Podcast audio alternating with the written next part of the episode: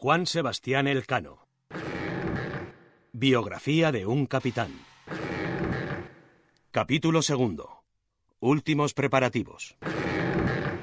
En la corte de Castilla crecían las reticencias sobre la lealtad del portugués Hernando de Magallanes.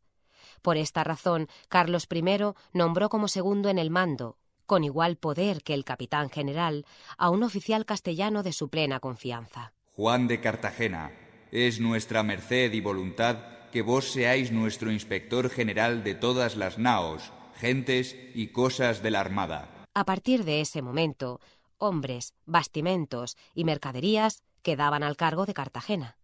Su poder le hacía temible incluso para el capitán general. Además, el rey ordenó reducir el número de portugueses enrolados en la Armada. Que no vayan más de diez portugueses, pero esto se ha de hacer con el mejor disimulo. En Sevilla se ultimaban los preparativos. Aquí tienes dos ratoneras por cada nao. Es cosa grave que se hagan muchas ratas porque con el hambre roen las tablas de los fondos hasta adelgazarlas como un pergamino.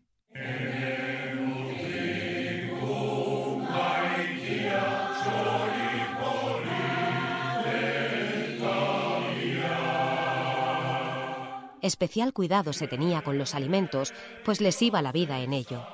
El primero en importancia era el pan, al que llamaban bizcocho. Que sea del trigo más escogido, y ha de ser amasado sin salvado, porque en el mar le cría polilla. El bizcocho se cocía dos veces. Quedaba una torta dura como una piedra, pero podía aguantar dos años e incluso más. Tan importante como el pan era el vino. Se apartaron en Jerez doscientos mil litros, prefiriendo del más fuerte, porque con menos cantidad a los hombres les llenaba más. El vino era una bebida prestigiosa y muy segura en comparación con el agua que se estropeaba con facilidad. Además, el vino ayudaba a levantar el ánimo de los hombres. Exclusivamente para los enfermos se adquirían lentejas, uvas pasas y ciruelas secas. Las órdenes del emperador sobre la obligación de cuidar a los enfermos eran taxativas. Que los enfermos sean muy bien curados, no consintiendo que ni médicos ni cirujanos les lleven dineros por las curas que les hicieren. Para los oficiales se compraron platos de madera, mientras que los marineros utilizarían escudillas. También se compraron esteras para dormir sobre el suelo.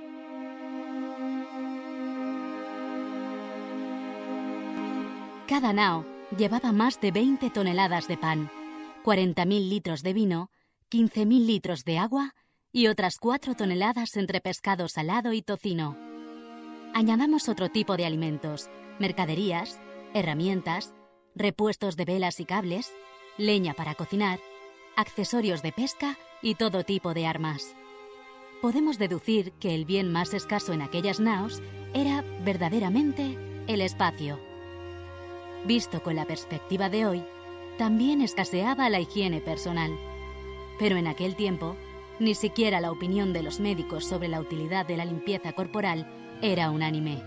Hablan los barberos de la expedición. No hay acuerdo entre nuestros colegas sobre la virtud de la limpieza. Mas yo digo que el baño es bueno solo para los que lo tienen en uso y costumbre desde siempre, pero a los hombres de España que nunca lo han usado no les resultará útil. Yo solo lo recomiendo de las rodillas para abajo. El sábado por la tarde, la comitiva que reunía a los oficiales de la Armada se dirigió a la iglesia de Santa María de la Victoria en Triana. Después de velar en completo silencio durante toda la noche, por la mañana se celebró la misa con la iglesia abarrotada de gente. Tras ella, se realizó el juramento. Señor Capitán General Hernando de Magallanes, juráis a mi señor el rey don Carlos y a mí en su nombre que haréis el viaje con toda fidelidad como buen vasallo de su Majestad? Lo juro. ¿Prometéis que hallaréis consejo con vuestros capitanes y oficiales para servicio y honra de la Casa Real de Castilla? Sí, lo juro. A continuación, también los capitanes se obligaron a comportarse como buenos vasallos y juraron que obedecerían en todo al capitán general. Un día antes de partir, Magallanes solicitó que se tomara declaración bajo juramento a varios de los maestres.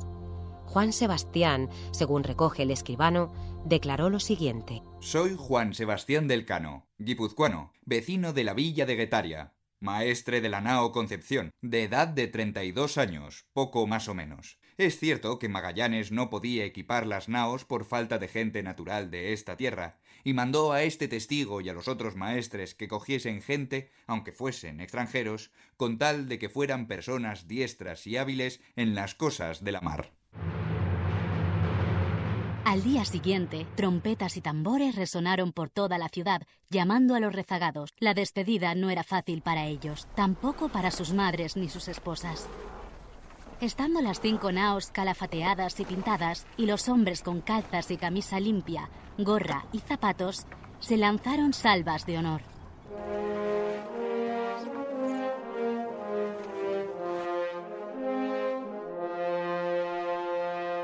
La fecha elegida para la partida fue el 10 de agosto, por ser luna llena. Con ella se dan mareas vivas que incrementan el nivel del agua del río. Desde la Torre del Oro hasta Barrameda, la navegación por el Guadalquivir era apacible, entre arboledas, pero a causa de los bajos que había en el río, se perdían en él tantas naves como en mil kilómetros en la mar. Era mediodía, poco antes de la marea alta, cuando Juan Serrano, al mando de la Santiago, ordenó levar anclas. Por ser la nao de menor calado, la Santiago abría la marcha. A proa y a popa, los marineros permanecían apercibidos con las anclas por si fuera necesario sujetar la nao. Sabían por experiencia que un navío completamente cargado era como una ampolla de vidrio. Con un solo golpe se haría pedazos.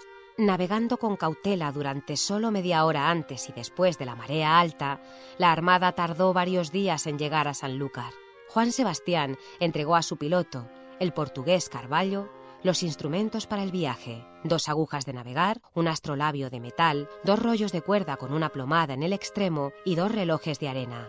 Parecen de fiar, aunque es tan difícil poner acordes a dos relojes como a dos hombres.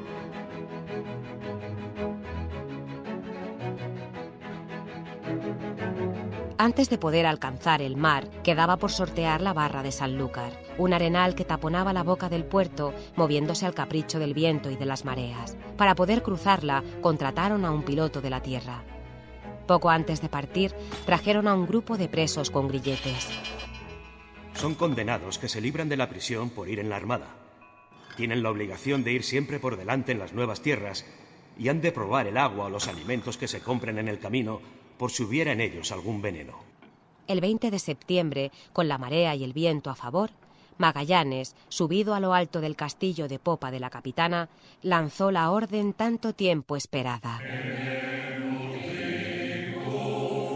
Larga trinquete en nombre de la Santísima Trinidad, Padre, Hijo y Espíritu Santo, y un solo Dios verdadero, que sea con nosotros, nos dé buen viaje a salvamento y nos vuelva con vida a nuestras casas. Un ave María apresurado salió del pecho de los 235 hombres. Los escribanos leyeron en voz alta las instrucciones del rey, para que ninguno pudiera alegar ignorancia. Todas las naos seguirán a la capitana, de día por la bandera y de noche por el farol. Llegando a una tierra poblada, interesa saber si en la tierra hay cosa de que nos podamos aprovechar, sin cometer contra ellos ninguna sin razón. Mandaremos castigar el delito contra las mujeres de la tierra.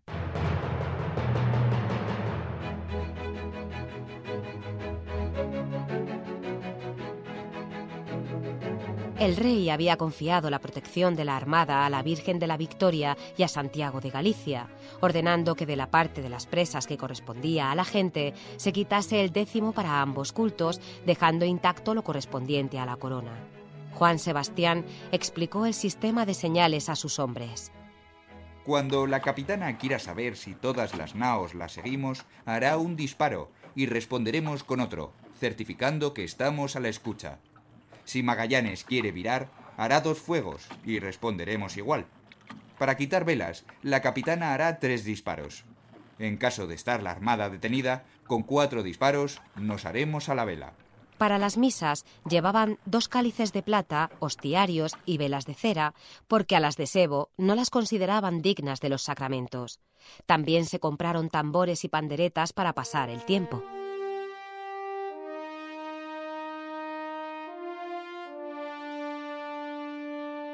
Plenos de esperanza por las mercedes que se prometían si salía bien el viaje, antes de perder de vista Sanlúcar, los hombres se despidieron de la Virgen de Barrameda. Atardecía cuando despenseros, pajes y grumetes se afanaron en preparar la primera cena. Después, bajo la estricta vigilancia de los contramaestres, apagarían el fuego. El contramaestre Acurio, de Bermeo, instruyó a los jóvenes. Está prohibido coger brasas del fogón. Y nunca, nunca sacaréis las candelas de las linternas. Aunque veáis mucha agua, el fuego sigue siendo nuestro mayor peligro. Los pajes rezaron en alto la doctrina. Amén. Dios nos dé buenas noches, buen viaje, buen pasaje haga la nao, señor capitán y maestre y buena compañía. Tras los rezos, repicó nuevamente la campana. Con esta señal, todo el mundo se tenía que recoger, salvo los del primer turno de guardia. Los pajes todavía tenían que poner a remojo las habas o garbanzos del día siguiente.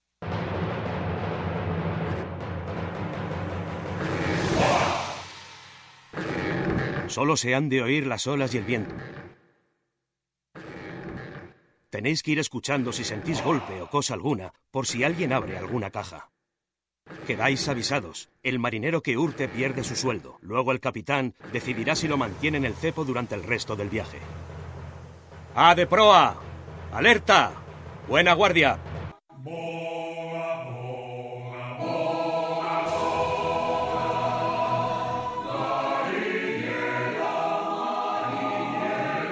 Al escuchar la llamada, los de proa respondían con un grito o con un gruñido, dando a entender que no dormían. Dormirse durante una guardia era falta grave. Al culpable se le darían tres zambullidas desde la verga del palo mayor. Y si hubiera reincidencia, se le podría echar directamente al mar.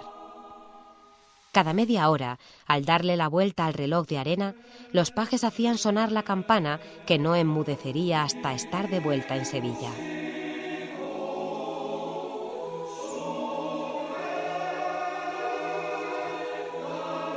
Incluso con poca luz, las cinco naos destacaban nítidamente sobre la mar en calma.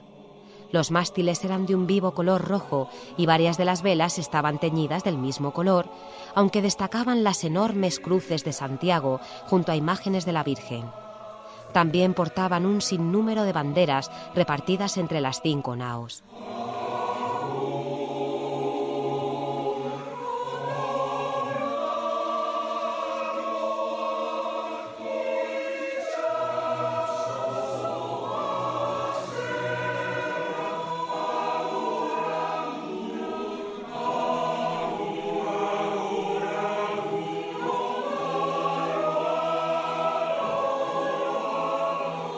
Ya en plena oscuridad, un farol en la popa de la capitana trazaba el rumbo hacia el mar océano.